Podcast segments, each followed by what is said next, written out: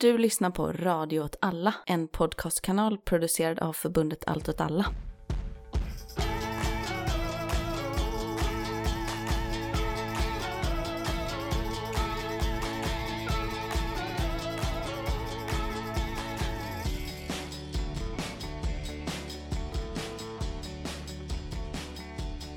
Hej, välkommen till Rörelse Både krig och perspektiv. med mig Martin Hansson.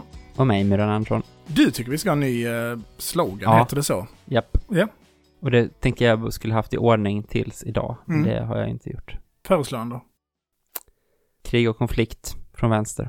Krig och konflikt från vänster. Vi kör en omröstning om det på, på Twitter kanske. Från, det låter ju också konstigt att det är vi då från vänster som bedriver krig och Ja. konflikt. Vänsterperspektiv på... Krig och konflikt. Ja. Vänsterperspektiv på krig och konflikt. Jag tycker inte det är lika bra alltså. Men udda perspektiv. Det är ju skit, man, vad betyder det? Man vet inte vad det betyder. Man Ja. vet inte. Det är som, har du sett How I Met Your Mother? Ett avsnitt med dig, eller på säga. Ja. Jag har ju binge-watchat det nu ett, tag. Mm. Som sån uh, guilty pleasure-grej säger man. Och då har de vid ett tillfälle, det kretsar ju ganska mycket runt en bar, som den typen av eh, vita sitcoms gör. Och där är det med att de tar över baren, huvudpersonen, och döper dem till puzzles. Döper barn till puzzles. Och tanken med det är att folk ska vara, vad är pusslet liksom? Ja. Och så är det namnet som är pussel. Förstår du? Mm. Wow. Mm. Så udda krig och perspektiv, Det var ett pussel. det är vårt, vår udda slogan. En enigma wrapped in a riddle. Ja. In vad det nu är. 5D-schack liksom. Mm. Okej, annars är det bra med dig? Vi är hundra år, hundra år är fel. Förra avsnittet var hundrade avsnittet. Det var det. Mm. Det blev ett bra avsnitt ändå för att eh, det har folk sagt efteråt, så det, det tror Mm. jag. Man undrar ifall folk vill höra hans eh, fylleröj eller inte, men det ville de tydligen. Så. Jobbigt att lyssna på. Jag kom egentligen bara ifrån festen med en enda tanke. Och även när jag lyssnade på avsnittet i efterhand då. Och det är ju, hur fan tävlar man i Final Fantasy? alltså, ja, vi måste verkligen återkomma till det. Vi kanske ska dedikera ett helt Patriot-avsnitt med att intervjua eh, Mm. och prata om, där vi kanske bara bryter ner vad han säger. Så att till begriplig svenska och sen stannar vi lite i Final Fantasy. Jag hade spelat Final Fantasy. Jag tycker det var ett bra format att tvinga folk säga vad de vill ha sagt på fem minuter. Det kanske vi ska jobba vidare med någon gång. Just det. För att Mm. folk ändå koncentrerade lite sina tankar där. Det är inte det enda avsnittet vi har släppt på senaste, kanske. Nej, Som vi har spelat in på senaste då. som vi har spelat in på senaste, nej. Precis. Vi har ju vårt eh, första Patreon-exklusiva avsnitt. Mhm. Kommer på lördag har jag hört, men det ska jag inte ta gift på. Det är, det är inte vi som sköter det, det är lite off our hands. Redaktionen. Ja, där vi svarar på lyssnarfrågor. Det kommer att ske återkommande. Vi har som policy att de här typen av avsnitt som vi släpper idag, där vi kanske mer fokuserar på geopolitiska konflikter och Bumbibjörnarna, kommer hålla i den vanliga, liksom i de fria avsnittens modell. Och så kommer vi, frågeavsnitten kommer vara, det kommer vara Patreon från och med nu. Kanske annat också, men det är det som kommer vara huvudsaken. Bli gärna Patreon, det hjälper podden att fortsätta. Ja. Det är inte, de förra avsnittet var ett jubileum Mm. så är ju idag ett annat jubileum kan man ju säga. Vi släpper ju det här den eh, 23 kommer det här avsnittet ut. Så det är ju dagen innan ett år av krig i Ukraina. Och helt fel sak att säga. Ett år av Rysslands eh, på nytt Intensifierade. krig, invasion av eh, Ukraina. Så jag tänker att eh, det här avsnittet kommer vara att vi pratar lite om det. Och sen eh, har jag intervjuat Volodja som befinner sig i Ryssland. Så det kommer väl vara nästa bit. Spännande intervju. Jag kan väl också säga att i tidigare idag så höll Putin sitt tal. Som ju var den 21 februari, som var liksom talet då man förstod det kommer bli krig. Där det var liksom sista frågetecknen, där han liksom gick ut och, förklarade varför Ryssland hade rätt att invadera Ukraina på nytt. Det kan man ju säga att talet den 21 februari för ett år sedan var. Och nu idag så har det varit ytterligare ett tal. Ja, precis. Så vi, vi kommer komma tillbaka till det, men det kan vara viktigt att, att tänka på. Jag lyssnade igenom hela, jag har också någon typ av sammanfattning på Twitter för den som vill läsa hela sammanfattningen av hela talet. Som inte vill lyssna på typ en och en halv timme BNP och jordbruksdiskussion av Putin. Och vi har dessutom lyssnat tillbaka på vårt avsnitt som vi släppte samma dag Precis. som invasionen skedde. Och det ska vi också prata om. Det ska vi också prata om, och våra två content creators är alltså Putin och vi själva Ja, för det här är avsnittet. fantastiskt. Ja, och med lite hjälp från Volodja då. Ja. För ett år sedan så släpper vi ett, eh, ett avsnitt, eh, eller på invasionsdagen släpper vi ett avsnitt och det är det avsnitt vi har lyssnat på som heter Nu är det krig i Europa. Nu är det krig i Ukraina. Jag tror att det nu är det fullskaligt krig i Ukraina eller Ja, något sånt heter den. Och det klipper du under natten till eh, invasionsdagen, den 24 februari. Så att det är med en liten skakig myranröst där i början som berättar att eh, nu händer det vi sitter och pratar om i, i avsnitt. Vi hade väl spelat in ett par dagar tidigare tror jag. Precis, så jag är uppe på natten medans invasionen sätter igång och liksom följer live-twittrandet och så om att det sker liksom. Mm. Men avsnittet säger var ju inspelat tidigare och då visste vi inte att det skulle bli invasion och säkerhet. Men vi trodde ju det. Det säger vi i det avsnittet att vi... Ja, och vi ser det ju väldigt tidigare, redan i tidigare Ja, avsnitt, att vi håller det som troligt att det blir. Det man kan väl säga är att det som är mycket diskussion, det är ju Putins tal den 21 februari 2022. Och det kretsar ju väldigt mycket runt folkmord. Ja, Att, att Putin pratar liksom om folkmordet mot de rysktalande i Donbass är väl liksom återkommande. Det reflekterar över att det hör man inte lika mycket om längre. Det är liksom nya Kosibelli som liksom har på något sätt eh, trätt eh, fram. Det tänker jag har att göra med paketeringen av kriget som ett krig med NATO, eller ett krig med väst, ett förlängt proxykrig med väst, som inte ju var lika aktuellt, även om han nämner det i talet för ett år sedan också, men då pratar ni mer om NATO-utvidgning och, eh, och så vidare nej men det var ju det här med att de skulle demilitarisera hela Ukraina och sådana saker som var också... Jo, precis, det här fjärde kravet. Ja. Det är lite så, vi har de här tre kraven Ukraina kanske kan gå med på, sen har vi det här fjärde kravet att Ukraina får inte ha någon militär. Ja. Det vi pratar ju lite om den här förhandlingsbiten fortfarande då, och att vi inte riktigt Å ena sidan vill man ju förstå konflikten som en förhandling där Ryssland vill uppnå konkreta saker utan krig.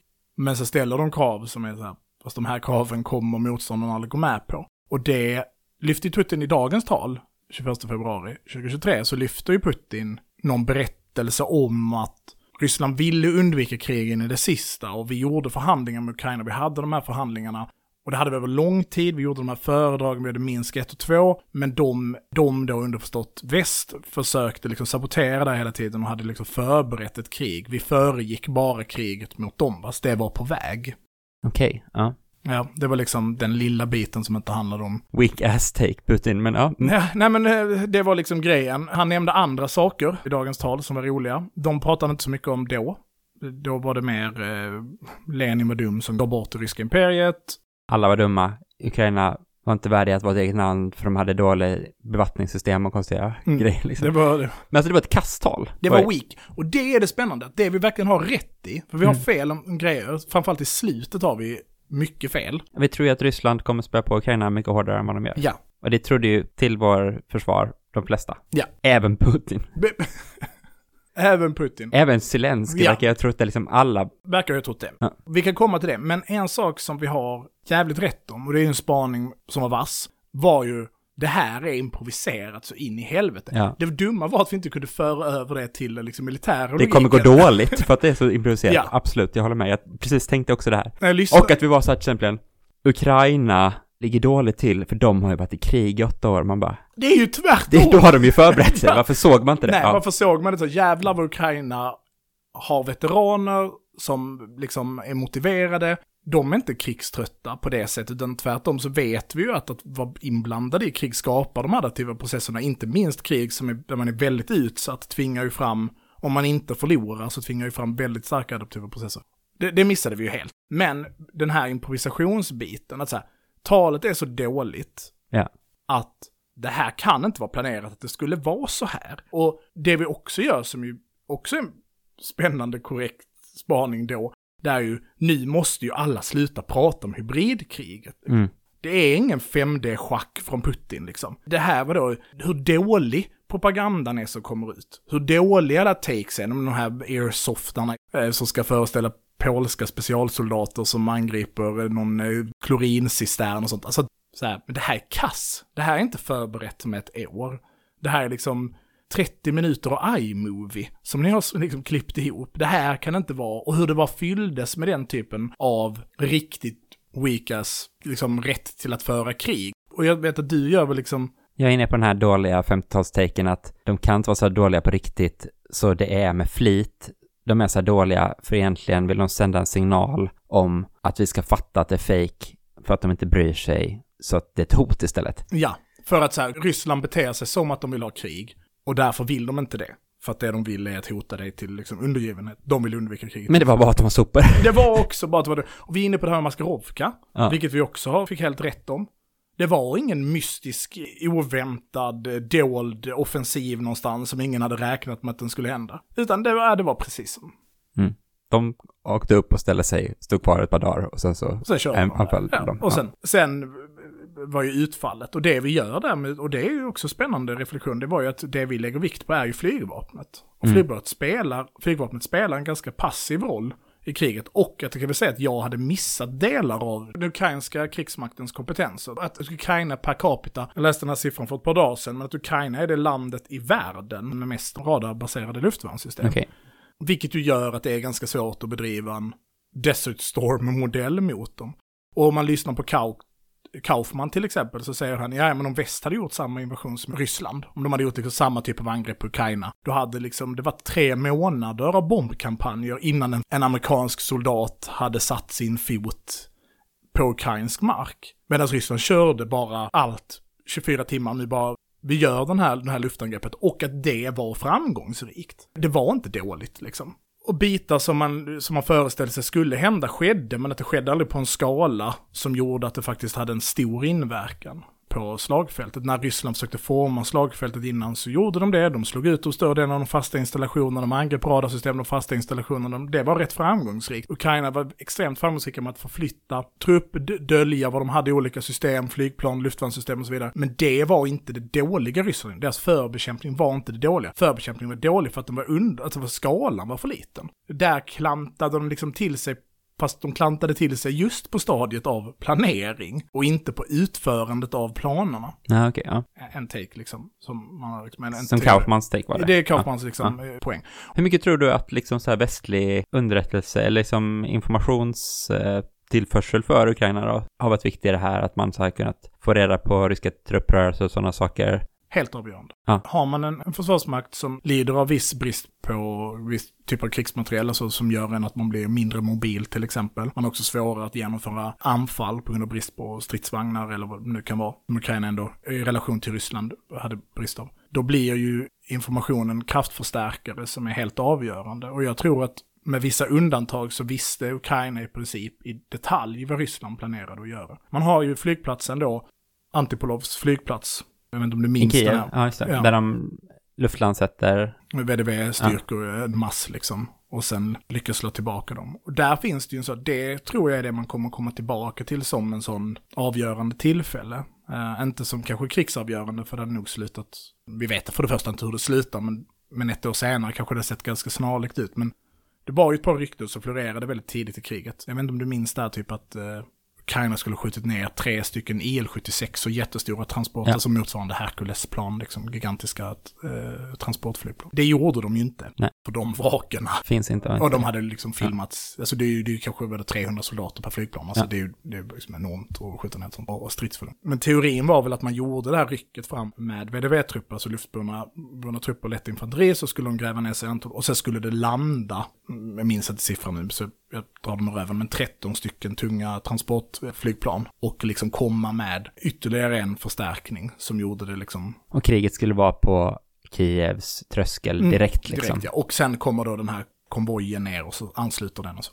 Medans det som händer är ju att både att försvararna av Antipolovs flygplats, de, de tar ju flygplatsen först, VDVarna, men det genomförs motangrepp med liksom mekaniserade förband. Som, är, som jag har förstått det är liksom typ en nationalgardes insatsbrigad liksom som sätts in och lyckas återta den. Och man flyger liksom, Ryssland försöker flyga in nya trupper och, och, och det handlar liksom om att det finns liksom ett luftvärnssystem som, som fuckar upp det här för Ryssland på något sätt. Vi ska inte stanna i den situationen i detalj. Och även om inte det hade varit krigsavgörande så tror jag att det hade format väldigt mycket vilken typ av krigsföring Ukraina hade kunnat bedriva de första månaderna av kriget. Eh, och ehm, det hade också gett Ryssland ett brohuvud på något sätt som ett uh, viktigt. Nej, men så att det vi, vi- lägger väldigt stor vikt i avsnittet på, eller jag framförallt på Rysslands eh, övertag vad det gäller flygvapen. Och det används inte så mycket. Nej. Det vet vi att de, Ryssland har tagit förluster i flygplan och det är många flygplan som är nedskjutna, men vi vet att de har varit restriktiva. Och det är ju antagligen för att det är väldigt svårt att ersätta. Det tar tid. Man pratar väl om att de har förlorat kanske två års produktion av flygplan, Okej. Ja. som det är nu. Och det är klart att det är mycket. Det är inte 20 år av produktion. Alltså så, det är inte, det är inte 15 år av produktion, utan det är två år så ungefär. Och Om det handlar om att man ser att det var ett ofördelaktigt liksom, vapen i, i typen av krig man förväntade sig bedriva, eller om det handlar om att man vill hålla dem i reserv för att kunna skydda mot ett eventuellt mer luftbaserat krig, alltså då ett krig med väst. Alltså. Det vet jag inte. Och frågan är om det hade hjälpt att sätta in mer flygvapen. Något Andra- annat? Du var ändå nyfiken, om jag säga, på vad som skulle hända när det smällde mellan T64 och T80. Mm. Det fick man aldrig se, eller? Jo. Har- det tycker du ändå man har? ja, Ja. visst, visst. Det var ju två pansarplåtlådor med kanoner på varandra. Så det finns väl inget att säga om det. Det har ju inte varit ett så stridsvagnsbaserat strid. Men det var väl det jag sa nu, att det har man inte sett så mycket, nej. Nej, inte så mycket, men man har sett det. Mm. Och det, det sker liksom. Det är mer att stridsvagnar blir utskjutna av eh, handburna robotar, eller Ja, det? och att eh, Ukraina har hållit stora delar av sina stridsvagnar som reserv liksom. Och så Kherson, offensiven vid Kherson, den man inte pratar så mycket om. Som att inte den gick så där jättebra, varken den stora eller den lilla. Gick ju jättebra för Ukraina. Men eh, T64 kan skjuta ut T80 och vice versa. Ja, och vice versa skulle det visa sig. Och det tror jag eh, säger lite om eh, den här upphasade nu ska Ukraina få västerländska stridsvagnar. Man kommer upptäcka att även de är pansarplåtlådor med en pipa på. Ja. Och så. Nej, precis. Jag tycker det man, om något har visat sig vara en nyhet eller sådär, är väl snarare då just robotarna, eller? Att det är så effektivt att skjuta ut eh, vagnar ifall de inte har flankskydd. Ja, ja. Nej, men det, jag vet inte om det Det, är kanske så man nytt. visste i teorin Ja, innan ja. också, men att, eh, ja, Så. det, Det, det känns bara som att om jag tänker något ett år in i kriget så tänker något så är det så här, ingenting har hänt. militärteknologiskt, Ja. inte något nytt. Nej. Drönarna visade sig inte vara totalt Nej, alltså- krigsvändande och sådana saker. Drönarnas spaningsfunktion är självklart, och psykologisk krigsföringsdimension har ju såklart varit jätteviktig. Men den här liksom wearaboo-krig är på taktisk nivå. Krig är, är någonting som händer mellan en stridsvagn och en annan stridsvagn och infanterister. Ja. Så har ju spaningsdrönaren spelat roll, självklart. Men det är fortfarande killar och tjejer med en stor puffra som säger pum, pum, och eh, stridsvagnar. Kan du göra det ljudet?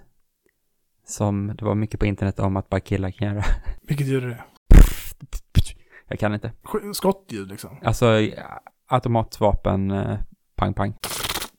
Det ljudet. Det är jag dålig på. Så jag det är dåligt på det ljudet, ja. ja, du, du, ja det, det låter inte bra det där. Nej, men um, inte sådär jättemycket har hänt. Men att vi då är inne på den här Putin på improviserargrejen och den känns ju som att den, den teorin håller. Ehm, jag läste tillbaka lite också för jag skrev precis liksom innan och så. Där är ju en större diskussion med ett par rätt framstående personer inom svensk försvarsmakt som hela tiden vill att man ska titta på Syrien för att förstå hur Ryssland kommer att agera i Ukraina. Och jag är kritisk och säger man kan inte bara skala upp liksom. Mm. Och det är ju jättetydligt att det är ju där det har brustit på något sätt för Rysslands del. De klarade inte av att skala upp. Mm. Det, det har inte brustit på ett ställe, det har brustit på många sätt, men det tror jag är den stora biten. Att man hade de här olika förbanden, det är inte tal om att liksom, de här ryska soldaterna var, har varit dåliga. De har haft dåliga liksom, objektiva förutsättningar sett till planering. Och det är inte heller så att VDV-erna har presterat katastrofalt dåligt.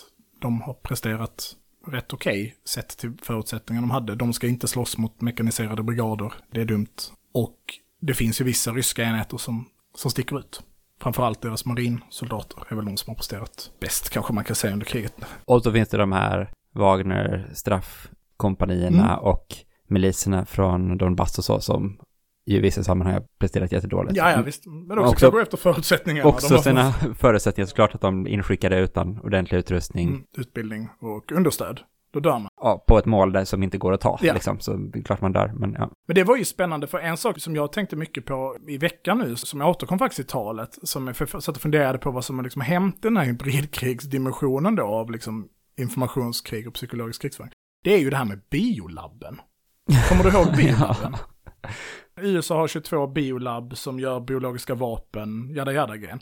Det är fortfarande en grej. Är det det? Ja, alltså det är en stor QAnon-grej. Okej. Typ att Hunter Biden är Mm. inblandad i de här Ja, på något just sätt. det. Ja, Det är mycket tjat för att han har några affärer i Ukraina eller så. Just det. Putin nämner det i sitt tal. Okej. Han nämner det. Det tycker inte jag är den sta- jag, jag kan sammanfatta talet för dig, ska jag Okej, göra det? ja. Vi vill dra det, för det var ju det. Han, han höll det då vid tidtiden, vår tid. Och han är lite så, det är krig, det säger han väl inte faktiskt, utan det är hårda tider. Det är De håller fortfarande inte Nej, är officiellt krig. Nej, krig nämns nog inte. Men det är hårda tider. Vi går en hård väg. Det är mycket hårt.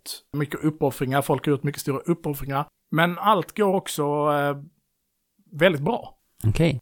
Vi har blivit satta i den här situationen på grund av väst. Det här är lite jag pratade om innan, att det var liksom väst ville ha det här kriget, de drog igång det, vi har blivit förrådda, jada, jada, liksom, de har lurat oss, de har eh, dummat sig, de har dummat sig innan, Libyen, Jugoslavien, nämns ju återigen den här Ja. gamla grejen liksom. Man får visst göra så här, prylen. De får göra så, då får väl vi också. Sen eh, är det mycket, mycket, mycket, mycket BNP, agrikultur, veteavkastning, skördar, olika arbetslöshet, inflation. Alltså det, det är verkligen Ja. en sån svensk statsminister summerar ett år. Vi har rekordlåg arbetslöshet. Industrin går toppen. Det var vissa bitar i det som var spännande. En favorit, en riktig high point, det är när han börjar prata om generera, alltså att, att de kan inte tas militärt, väst kan inte tas militärt och därför har de börjat föra liksom psykologisk krigsföring eller informationskrigföring mot oss. Det gör de genom att bryta upp familjenheten, liksom. De angriper familjen. I väst, till exempel, där får man eh, samkönade äktenskap. Och så säger han, "Ja, det är vi lugna med också. Det är lugnt, för det är ändå vuxna, det har liksom, det är vuxna får göra vad de vill. Okej? Kastar Inte in så tajt skrivet tal, men, men det bara att kasta ner, det får man. Men pedofiler, till och med normalisera pedofili håller de på med. Och den angeliska, vad heter det? Angeliska kyrkan. Ja. Av, vad heter det? Angelic Church, alltså den brittiska kyrkan. Den ska liksom eh, bli könsneutral. Vad håller de på med liksom? Hur jävla tokiga är de? Vi tycker det är viktigt med familjen. Familjen är väldigt viktig, därför vi det- barnbidraget med så här många procent. Och sen är det liksom Hur är det ett krig mot dem då? Att väst att inte bö- väst vill böga. De angriper Ryssland genom att de vill att man ska börja böga. i väst? Ja, Eller? Nej men att de vill liksom föra, det är väl hela Soros-grejen Ah, liksom, så ska liksom familjeenheten och då har man ingen nation längre och man är inte lojal mot sitt folk. Sen får oligarkerna en ganska spännande vinge, i talet. Han är lite så, ni vill ha palats och ha det nice och leka i väst. Hur kul var det att leka där egentligen? Upptäckte ni att det egentligen bara var andra klassens medborgare oavsett vilka fina titlar ni har köpt? Är det inte dags nu att komma hem?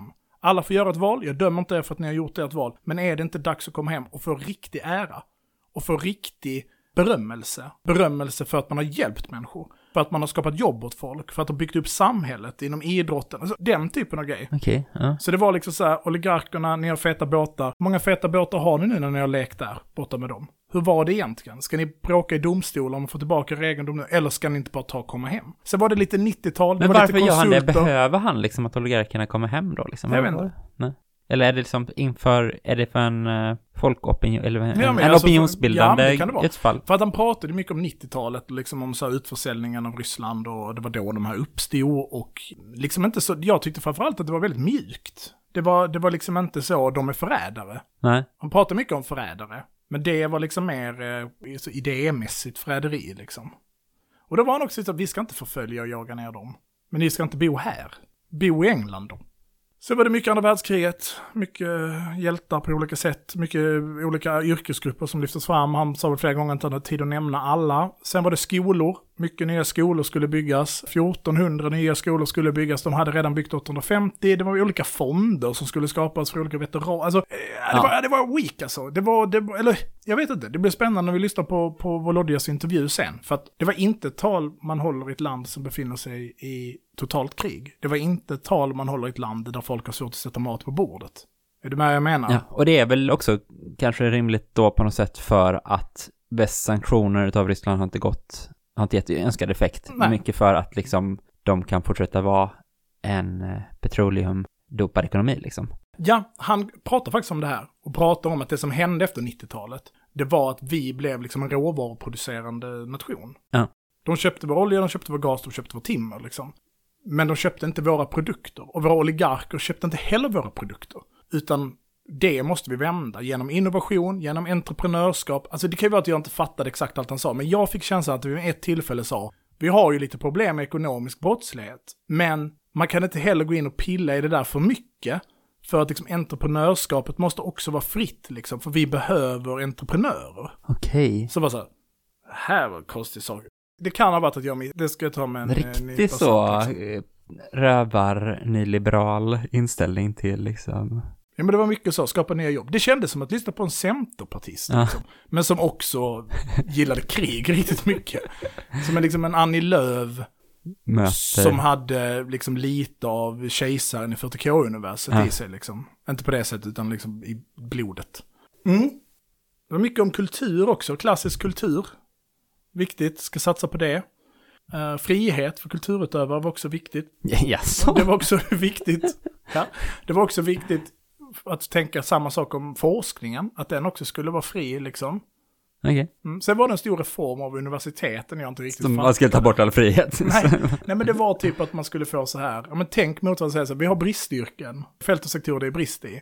De ska man typ få lättare att utbilda sig till. Alltså så att det var inte ett krigstal. Nej, ja. Det var inte det. Det var ett tal om hur jävla bra allting går trots allt liksom. ja. Precis, och det håller man väl antagligen då för att vissa saker går helt okej bra. Och samtidigt för att man också vill bara ge ett positivt intryck. Att... Ja men det är ju bättre att prata om att ekonomin går bättre än väntat än att prata om att kriget inte går så jävla Nej. bra liksom.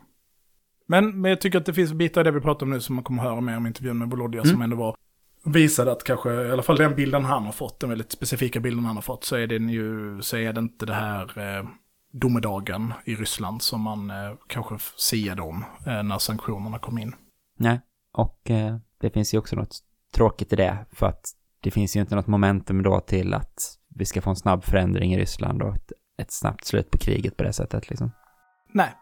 Men eh, då går vi över till eh, intervjun med Volodya. Tack så jättemycket för att ni har lyssnat allihopa. Vi ses på andra sidan.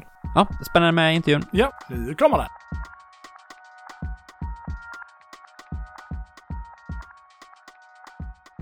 Hej Volodya! Halloj! Du eh, är i Ryssland. Japp. Vi har velat ta tag i det ett eh, tag och få prata lite om vad du har eh, sett och hört under tiden du har varit där. Hur är det med det där borta? Jo men det är bra generellt. Det är fint att få vara tillbaka efter några år. Det är första gången sedan innan covid. Så det känns roligt att få träffa lite bekanta och vänner igen som finns här.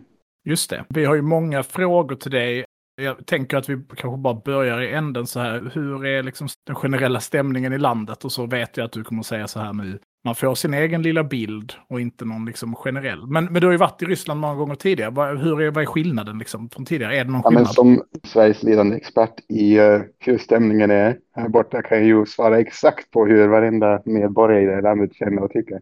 Nej men precis, det är ju lite så här bubbla-grejen är det ju ändå. Alltså de människorna som jag har att göra med här är ju kanske inte representativa för befolkningen i helhet och därför blir väl också intrycket påverkad av det. Så, eh, men det kanske man kan gå in på liksom två nivåer. Den ena är ju så här, känslan på stan typ när man så här, åker, tun- åker tunnelbana och går runt på, på stan och sen typ vad folk som jag har att göra med känner och tycker som är en liten annan sak. Men eh, alltså kanske ändå en så här, den intressantaste och det intressantaste intrycket på något sätt tycker jag ändå är att den här känslan av normalitet ändå på det stora hela. Att om man inte letar efter tecken så kan man typ nästan klara sig och bara leva här och inte bli så jättepåmind om vad som händer, alltså kriget och så vidare. Att det går att leva sitt liv ganska mycket, i alla fall på utan sig, opåverkat. Vilket man kan tycka är en sorts eh, framgång också för, för Kreml här. Att man har lyckats undvika en total ekonomiska kollapsen till exempel, som många ju väntade sig i och med sanktionerna och, så vidare som eh, infördes av väst i början av eh, förra året. På det sättet kan man ändå tycka att det är lite intressant att livet fortgår ganska mycket som vanligt. Och sen som sagt, om man är lite uppmärksam ser man ju ändå ganska många tecken. Men man måste lite grann liksom leta lite sig själv. Vi kanske ska säga att du har befunnit dig i Moskva och Sankt Petersburg framför allt. Man kan ju också tänka sig att Precis. tecknen är tydligare på andra platser. Eller vad tänker du om det? Ja men absolut, alltså, särskilt såklart och ju närmare man kommer till, eh, till Ukraina, självklart. Eh, och det är nog ingen jättebra idé kanske om man eh, säger kommer utomlands ifrån för att då tänker jag att statsmakten blir väldigt misstänksam om man rör sig där i området. Så det har jag inte för avsikt. Och sen i andra mer provinsiella regioner kan det också vara mycket mer påtagligt, tänker jag, utan att ha varit det själv, beroende på om det har varit många från något samhälle eller någon stad som har koppling till eh, militär och sådana grejer. Så att, att det är fler som har åkt dit kanske. Men det skiljer sig också ganska mycket från ort till ort och region till region. Så det är väl eh, lite mer ja, från fall till fall som, eh, alltså tänker jag att atmosfären är där borta. Men vilka tecken ser man där du har befunnit dig? De här tecknen, om man letar efter dem, så att säga.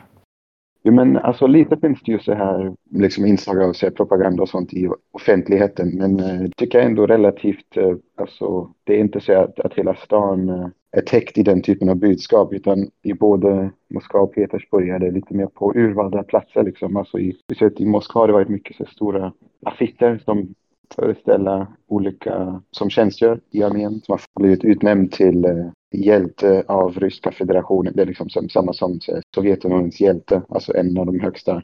Utmärkelser. Ja, exakt. Alltså de som fått sådana, de blir liksom, eh, jag vet inte om, kanske inte alla, men de väljer väl ut några sådana och så ser man eh, någons porträtt i, i sig, uniform och så står det deras namn och så står det så här, ära åt Ryska federationens hjälte liksom.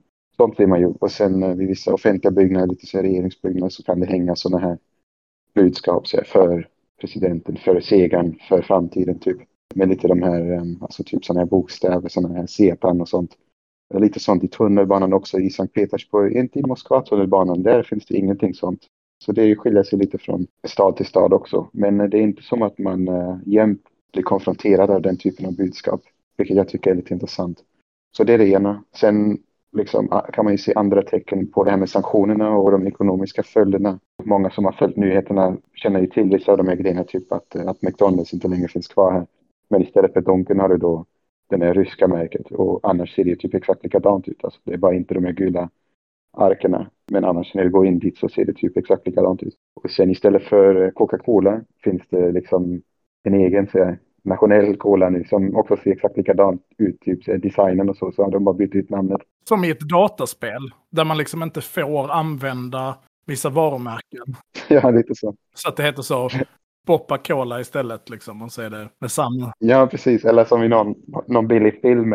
Fast samtidigt så kan man också köpa Coca-Cola om, eh, om du letar efter det. För typ, alltså säg någon tunnelbanestationen i, i Moskva kan det stå en sån här automat, du vet, som du kan köpa Ja, eh, läsk från. Och så kan du kolla så om det är Coca-Cola så kan du kolla nära så ser du att det kommer från något annat land, typ men Uzbekistan eller Azerbaijan eller något. Och så står det på det respektive språket står liksom så här innehållsförteckningen och sen har de satt på något klistermärke med det är översatt till ryska. Så som typ när du på Möllan i Malmö går in på någon så här Asiaaffär och köpa importgrejer och så är det bara något klistermärke på med, med svensk översättning av innehållsförteckning. Lite så är det med Coca-Cola som du kan köpa i automat här i, i landet nu också. Om inte du väljer det här inhemska alternativet som nu finns på typ på det inhemska McDonalds bland annat. Ja men sånt typ märker man ju. Och vissa så andra märken har försvunnit, typ Ikea och H&M. Men massa har ju också stannat kvar. Så det är inte som att du går runt och tänker sig wow, det finns inget märke som jag känner igen hemifrån att, att köpa här. Utan det är mer så här, ja just det, vilka var det nu som lämnade egentligen? Alltså det är jättemånga som är kvar också. Alltså, så, vad heter det, United Colors of Benetton eller Mm. eh, Reebok tror jag. Eller ja, typ alltså massa märken som jag inte kommer på nu. Men typ eh, som också bara finns kvar på, på alla de vanliga ställen. Så det är inte så dramatiskt heller. Nej, alltså bilden som målades upp av sanktionernas effekt. Jag kommer ihåg att jag var ganska skeptisk till, eh, till hur kraftigt sanktionerna skulle slå. För den bilden som målades upp var ju liksom att ja, men du vet, det skulle bli gengasbilar på gatorna eller bilar som åkte på kol liksom. Och folk skulle gå runt i säckväv istället för moderna kläder och så vidare. Alltså, liksom, Just det. det här med, med bilarna är kanske lite weird just eftersom det enda som man faktiskt har ju oändliga mängder av i det här landet är ju olja och gas. Så det är ju kanske det sista problemet de kommer att få. Men precis. Sen kan det ju vara så att vissa grejer också att man inte ser dem eh, lika mycket på ytan. Alltså nu är ju mitt intryck mer så baserat på så här, konsumtionsvaror och, dessutom på, eh, baserat på liksom eh, den allra mest eh, skyddade stan. Alltså så här, rent eh, livsstilsmässigt och liv, levnadskvalitetsmässigt också. Att Moskva är ju en bubbla liksom som man lägger också väldigt mycket energi på att eh, skydda från negativa konsekvenser av den typen. Liksom. Så, men det är sant såklart att den bilden man fick eh, från många, så, ja, men inklusive också så, ekonomer och folk som eh, på något sätt ändå kan vad de snackar om, det var ju väldigt mycket mer dramatiskt. Att man väntade sig större effekter än vad som har hänt hittills. Och det tycker jag ändå det är relevant när vi spelar in så är det ju tidigt på eftermiddagen och Putin har ju för ett par timmar sedan hållit sitt ettårstal kan man väl säga. Ett år sedan han förklarade att eh, kriget mot Ukraina skulle ske. Så skulle man väl kunna säga att det talet löd för eh, ett år sedan, även om han lindade in lite. Han snackade skit om Lenin och det var lite så här, jag är tvungen till att göra det här. Så har du lyssnat på hans tal som han höll idag?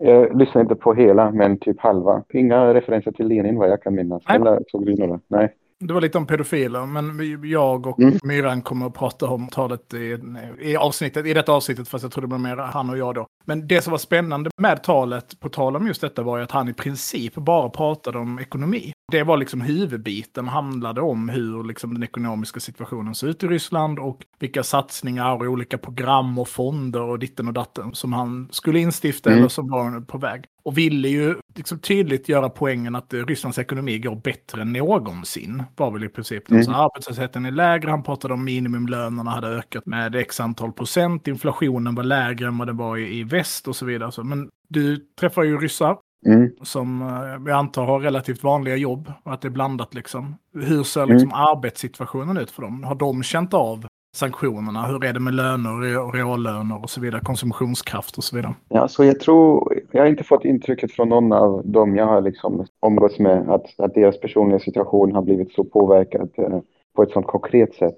Och dessutom är ju liksom den faktorn för, som för de flesta som jag har att göra med ändå som är mer, som väger tyngre är snarare så frågor kring personlig säkerhet och så här, typ moral eller hur man känner sig som medborgare i landet som har påverkat dem mer och fått dem att fundera över huruvida det är värt att bo kvar eller inte. Men för dem har liksom ekonomiska frågor inte varit lika det har inte skett lika dramatiska förändringar för dem som jag har att göra med. Och så återigen, det tror jag att jag inte har någon så jättebra det är inte, helt enkelt inte någon så jättebra insikt för att kunna mer besvara de här intressanta metafrågorna kring ja, men, vad kommer att hända med det här landets ekonomi utifrån världsläget liksom, som är ju väldigt intressant men som jag får väl erkänna att jag liksom utifrån att ha bara funnits här nu några veckor inte har fått så mycket mer tydlig inblick som man gärna skulle vilja när man tänker sig, ja men nu ska jag få känna av uh, vad som händer i landet liksom. Men uh, precis att uh, han pratar så länge om det i sitt tal kan jag tänka det var ett ganska tacksamt ämne utifrån att det just inte har gått så dåligt som många väntade sig. Så det är ganska skönt att kunna lägga lite tid och ta upp det samtidigt som man typ pratar mindre om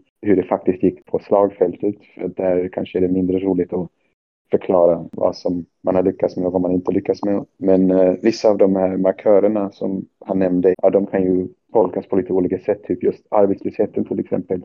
Som ju i och för sig minns jag också var en av områdena folk väntade sig stora konsekvenser och liksom eh, en del dramatik när man eh, först introducerar de här olika sanktionerna. Men det var ju också lite grann innan man eh, tappade jättemånga människoliv i själva kriget. Många hundratusentals människor lämnade landet.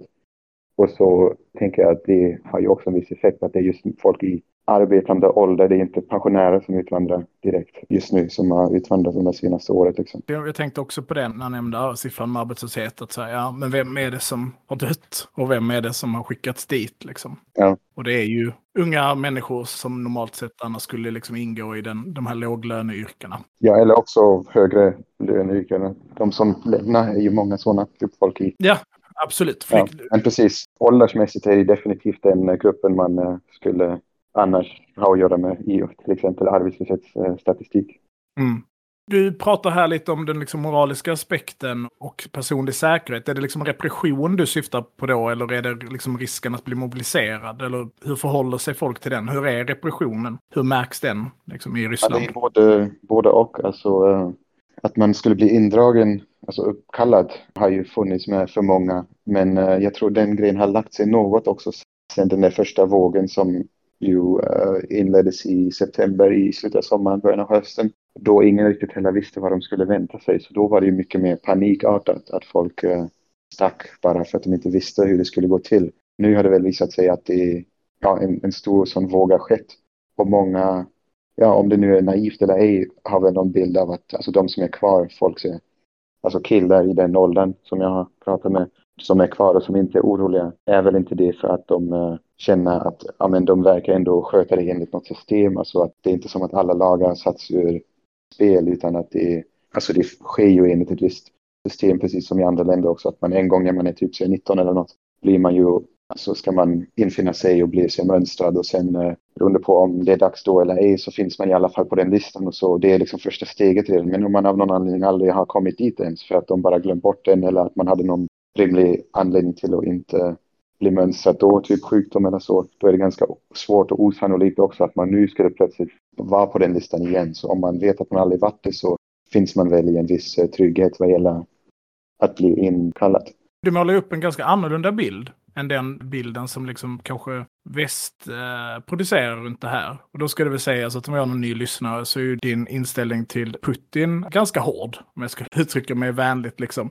Men, men det är inte liksom en... Nej, men sen det, alltså, en sak är ju huruvida det, det, det intrycket stämmer. Det kan inte jag riktigt heller bedöma, men det är det jag fått höra från folk som i sin tur inte heller är stora anhängare av eh, statsmakten och regeringen här, men eh, de har väl fått intrycket och återigen, det är också en annan sak om du bor i Moskva eller om du bor ute i, eh, i någon region. Att sånt kan ju gå till på ganska olika sätt också från region till region. Men helt enkelt utifrån folk som jag har pratat med så har de som har känt att det är lugnt för dem att stanna kvar rent utifrån det perspektivet hade väl varit det för att de har känt att det är liksom inte helt oberäkneligt den processen och att de har någon viss känsla att eh, det är inte bara som att man blir gripen på gatan och satt i en buss och kört bort liksom, till eh, baracken eller något sånt. Liksom. Det var mycket tal tidigare att till exempel folk som protesterade eller liksom markerade mot kriget blev bortförda och förda till fronten. Och så slutade liksom både kanske rapporteringen om protester och motståndsaktioner slutade ju lite rapporteras. Det kan jag anta att göra med att demonstrationer och så faktiskt minskade till antal. Mm. Vi vet ju att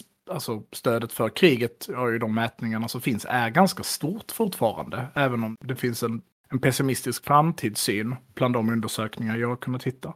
Har du hört liksom något om de historierna om folk som har hållit upp skyltar och som blivit tagna av polisen? Det är inget som folk har tagit upp när jag diskuterat sig läget här och det är ändå folk som har lite inblick i olika sådana här fall och sånt. Det är inget som jag har hört nämnas som en så jätteläskig och vanlig grej som vem som helst skulle kunna råka ut för som råkar hamna i konflikt liksom, med statsmakten. Så det tror jag också dels att de fallen då det hände liksom fick mycket uppmärksamhet. Men återigen också att det var ju liksom mer kaos också i början. Alltså att det hände ju saker under de första veckorna och månaderna när det fortfarande fanns mer offentlig liksom, motståndsyttringar. Och när man först började liksom mobilisera större delen av eh, befolkningen där i slutet av sommaren liksom, så var ju som det ofta brukar vara i det här landet också, att det är liksom eh, chefen längst upp säger ja men nu kör vi på det här. Och då skyndar sig alla på de här olika nivåerna och ska liksom utföra det här, det här nya budet. Och så blir det ganska mycket kaos också. Och sen fixar man lite i efterhand. Och det, det erkänner de ju själva också, alltså att man har skickat folk som inte borde skickats dit, alltså de som gör sin vanliga, alltså värnpliktiga som bara blev, ja, gjorde värnplikten som enligt lagstiftningen inte bara ska kunna skickas dit, att, att det hände ändå och då har man ju sagt officiellt, ja det blev lite fel, vi ska typ straffa dem som har ställt till det och så ska vi fixa och inte göra det mer. Sen alltid en annan sak om det verkligen slutar förekomma, men eh, att det är liksom eh, mer kaosigt i början, det är ingen hemlighet. Och sen blir det lite mer ordning och lite mer struktur på det hela.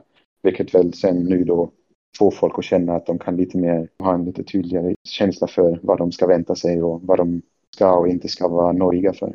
Så det är det ena. Sen den andra frågan var ju det här med politiska repressalier och huruvida folk är rädda för det. Och det är ju en verklighet såklart för folk. Lite beroende också på huruvida man är aktiv och på vilka sätt och i vilka sammanhang. Då är ju folk som jag har att göra med lite överrepresenterade eftersom det ofta är människor som är politiskt aktiva eller ja, har starka åsikter som inte råkar stämma överens med det man helst ska tycka och känna för vad som händer i landet här just nu. Men intressant nog märker man ju också av det i samtal med folk som, alltså random främmande människor som inte, så vitt jag vet, har ingen så politisk aktivistbakgrund. Eller om de skulle råka ha det, att det inte var därför jag, alltså det var inte så samtalet började utan någon så random person jag råkar prata med. Och så är det ju ofta när de fattar att man är från bosatt i utlandet, att man är utomlands ifrån, från väst typ, då blir ju många nyfikna men det är ju, folk är ju väldigt försiktiga med hur de formulerar sig och det är ändå en så här obehaglig känsla där man tänker Alltså när, när det är, ja men okej, en sak när det är andra som finns i området eller i närheten som kan höra samtalet. Men till och med har jag varit med om det när det, alltså när det är typ så två andra människor som ändå typ är kollegor och jobbar med varandra. Att de använder det här språkbruket om, alltså att de inte använder det förbjudna ordet krig till exempel, utan de säger så här,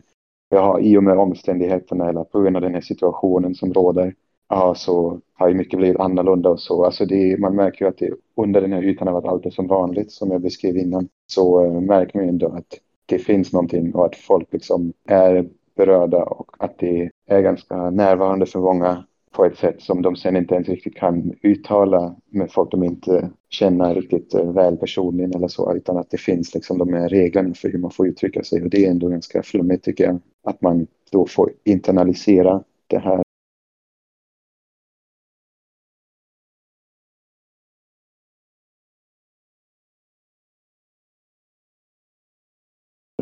Språkbruket som är tillåten för att ta upp den här grejen som ändå alla vet vad man menar och att det är ganska storskalig och liksom påverkar alla på något sätt.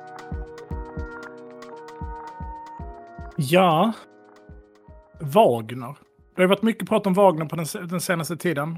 Wagners chef, kanske man kan kalla honom, har ju klagat mycket på ryska staten och sen Grasimov tog över kontrollen över Rysslands väpnade styrkor så har eh, Wagner ett uttryck för att de har liksom blivit eh, puttade åt sidan. Hur ser det liksom ut med rekrytering både till eh, den reguljära armén men till Wagner? Är det liksom något, ser man det i stadsbilden? Du beskrev ju tidigare att det var lite eh, liksom reklam, eller vad man ska säga propaganda med soldater och så. Ser man liksom på tunnelbanan, i tidningarna, på billboards, ser man? Jag har inte sett någon reklam överhuvudtaget för att man skulle gå med frivillig eller liknande. Inte någonstans.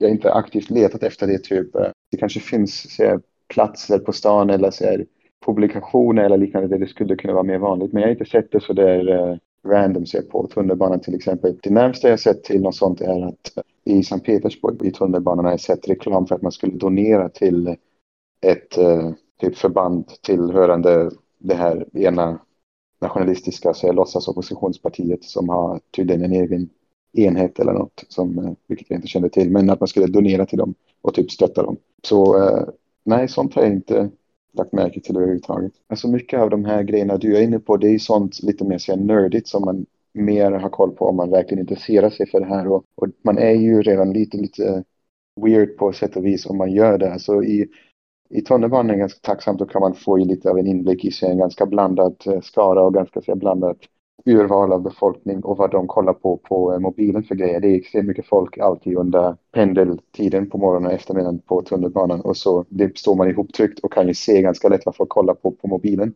Och eh, den stora majoriteten kollar ju på sig skit och trams på typ TikTok och eh, Insta. Alltså se videos på gulliga hundar och sånt. Och sen de som tittar på sig nyheter och, och den typen av innehåll. Eh, ja men många kollar på sig vanliga, alltså typ olika ryska tidningars telegramkanaler och liknande. Och sen vissa kollar ju på de här mer patriotiska telegramkanalerna som riktiga nördar, alltså som följer den här, den här konflikten, tittar på också som någon sorts eh, för att få en känsla för vad den falangen pratar om. Och så finns det folk som kollar på sina oppositionella telegramkanaler också. Och vissa kollar på båda och de byter mellan dem, precis som vem som helst som vill få någon sorts helhetsbild liksom gör. Men eh, merparten av eh, pendlarna föredrar ändå bara inte, ja, det är inte som att alla jämt följer de här frågorna och utvecklingarna såklart. Under krigets gång så har man ju liksom diskuterat möjligheterna för att få ett stopp på kriget och liksom hur lång tid kriget ska pågå, vilken uthållighet de olika länderna har. Då har det också liksom formulerats att en av de få hoppen för att få slut på kriget är ett maktskifte i Ryssland. Men liksom situationen du beskriver känns ju som att det är långt kvar innan kriget tas hem så att säga. Liksom att mödorna för den ryska befolkningen blir så pass allvarliga att de väljer att göra någonting åt det. Men som sagt, det är en bubbla man pratar om på något sätt. Vilka motståndsyttringar ser man? Ja, de är ju också väldigt uh, subtila så att säga. Man ser liksom, eller liksom det är lika bra att, att nämna det liksom i samband med också de här, ah, det, jag kom inte riktigt in på det innan, men det här med hur uh, påtagligt allt det här är i stadsbilden. Och du nämnde de här opinionsundersökningarna också som har diskuterats brett där det skulle finnas någon stor stöd för eh, politiken liksom bland befolkningen. Jag tror ändå, alltså jag är mest övertygad av de som kritisera ja, typ sociologerna, antropologerna som, som befattar sig med Ryssland som menar att det överhuvudtaget inte betyder speciellt mycket just nu vad man får för svar på de här undersökningarna för att folk generellt redan i Ryssland är ganska dålig på att ge svar redan i, i fredstid, liksom ge svar som går att lita på. Det har varit ett problem så länge och sen nu ser de att liksom andelen människor som svarar överhuvudtaget är väldigt låg och dessutom eh, kan man med säkerhet eh, utgå ifrån att folk svarar också på ett sätt som eh, de betraktar som säkrast för dem som inte behöver ha så mycket med deras åsikter att göra. Och det intrycket känner jag ganska mycket också. Eller jag har liksom svårt att känna någon stor entusiasm med helt enkelt. Och då kan man tycka, ja men kanske är jag liksom biased eller så. Och det, det är ju såklart för att jag önskar ju att det inte ska finnas folk som, som visar stor, som skulle känna stor entusiasm för det. Men jag har verkligen också försökt att så säga, alltså nu har jag inte gått fram till så poliser till exempel som man kan tänka ha en politisk åsikt som eh, står närmare till, eh, till statsmakten. Det är inte som att jag letat upp det på det aktiva sättet men typ rent av att du, man ser ju lite då och då ser folk som har sån här seta, alltså den här symbolen för kriget på, mm. typ på kepsen eller på ryggsäcken eller på baksidan bilen. Men det är liksom, det är imponerande hur pass sällan det är alltså i Moskva. Det är typ, Moskva har typ 15 miljoner invånare och när du rör dig genom stan så passerar du typ tiotusentals människor varje dag i tunnelbanan. Det är tusentals bilar som du ser under en dags liksom, eh, trafik i, på stan när du rör dig runt. Och jag kan typ efter flera veckor tror jag fortfarande räkna nästan på typ två händer hur många gånger jag sett en sån Z-bokstav. Jag har typ sett kanske tre kepsar, tre, fyra klist, eller säga, patches på ryggsäckar och typ tre, fyra, kanske fem bilar med det. Det är alltså typ nästan obefintligt. Eller jag har ju varit i USA vid flera tillfällen. Och bara under min relativt korta semestrar i USA, på väldigt olika delar av USA, så är ju mängden stödveteranerna, amerikanska flaggor och så vidare, är ju betydligt mer vanligt förekommande än, än så. Även i en stad som New York till exempel, vilket jag tänker blir motsvarigheten till Sankt Petersburg. Men, men nu pratar du mer om Z specifikt och inte liksom ryska flaggor och så, för det antar jag att... Nej, folk... precis, och det, det, är en intressant liten nyans också, att det är ju, äh, finns det här andra, den andra symbolen som annars, som tidigare varit så här, den kanske mest äh, nedkokta, så patriotiska symbolen som är det här orange-svarta mm. bandet som blev så en grej och pikade kanske runt 2014 med, med Krim-grejen och så. De uttrycker stöd för typ äh, veteraner och också att man tycker att Ryssland har ett storslaget arv från segern i andra världskriget, alltså sovjetiska segern i andra världskriget. Lite den viben liksom. Så det är en så patriotisk och inte helt så där Alltså en ett symbol som eh, också har en ganska så, krigisk... Du pratar om eh, Sankt George. Eh, ja, exakt. Ja. Den eh, symbolen. Hur som helst så ser man ju den fortfarande lite här och var i stan. Alltså folk har den lite hängande från bakspegeln i bilen eller så på ryggsäcken. Alltså det är inte så ovanligt.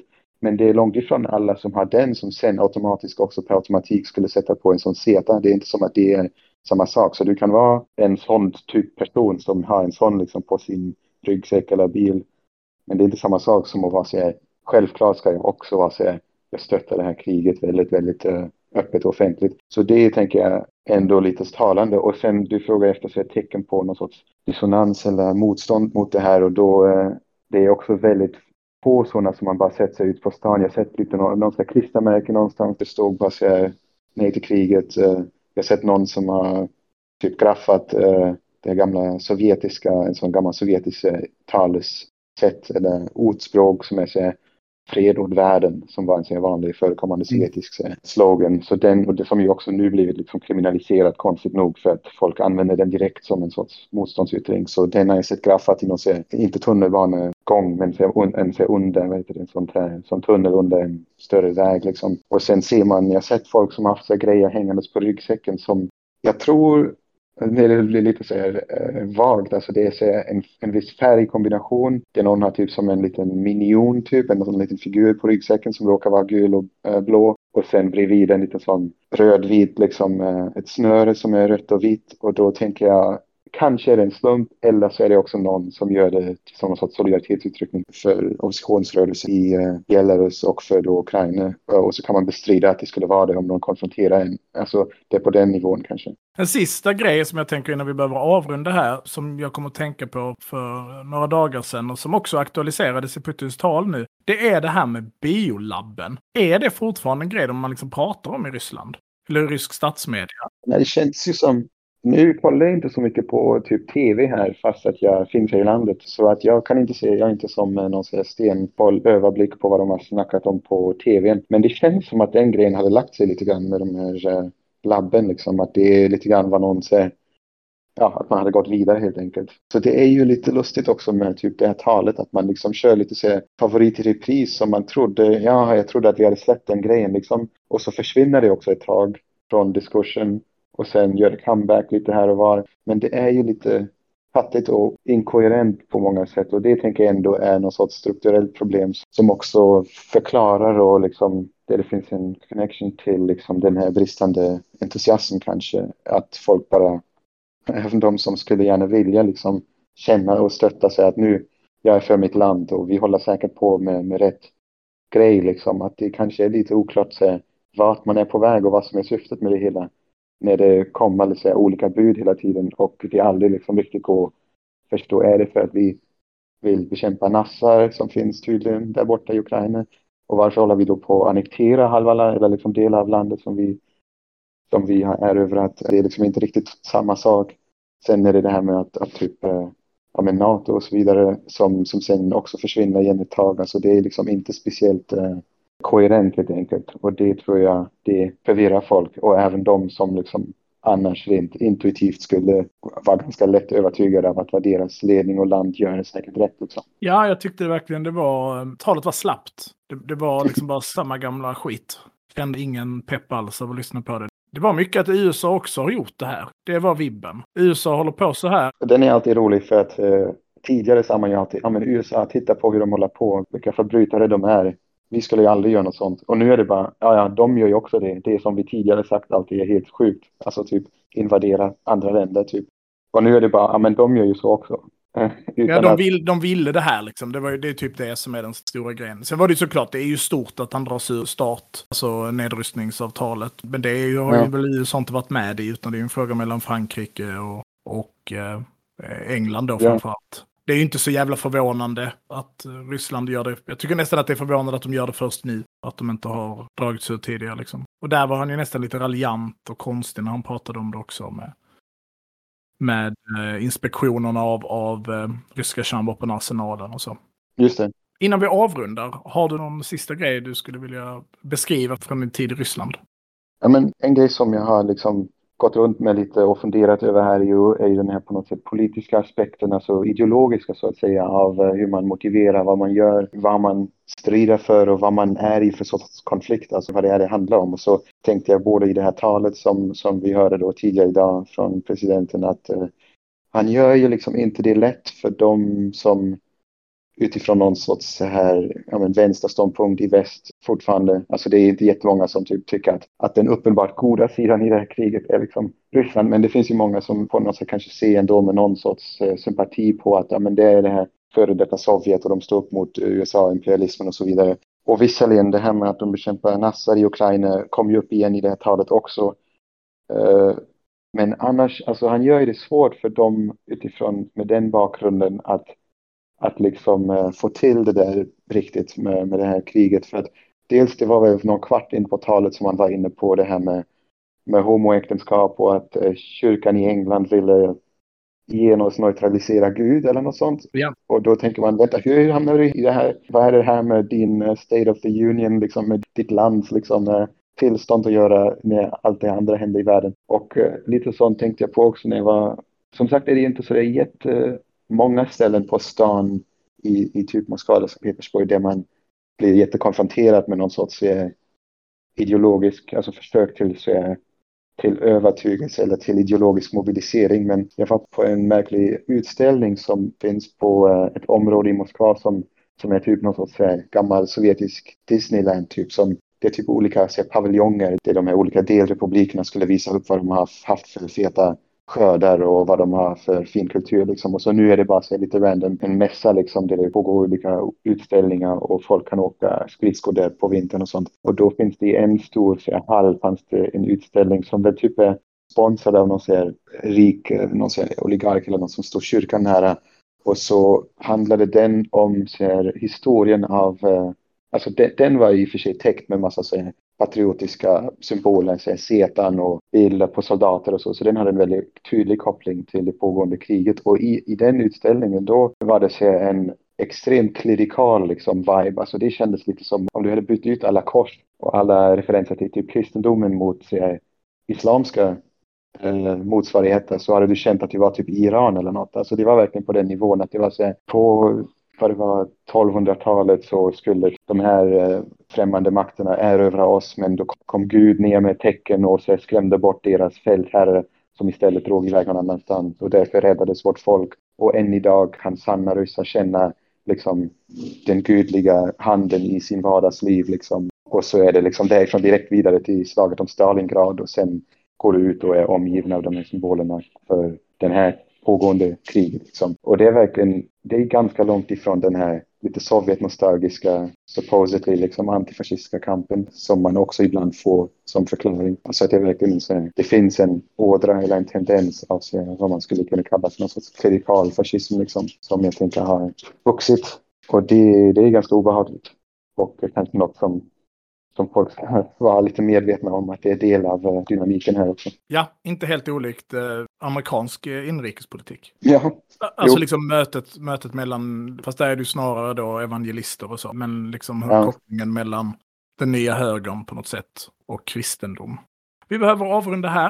Det har varit jättekul att ha med dig och så fort du kommer tillbaka så vill vi att du kommer hit på en drink och pratar vidare. Eh, Myran gick precis in i studion här. Hej Volodja! halloj! Jo, men det låter jättemysigt. Jag tar gärna en drink hemma igen. Om inte allt för länge.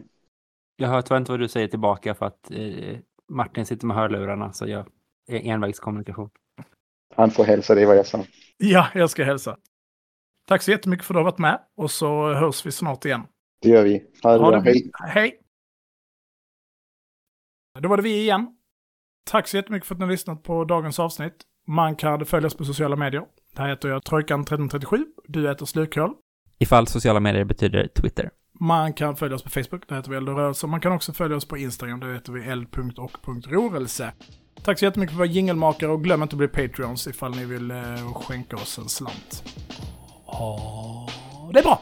Ha det fint. Hej då!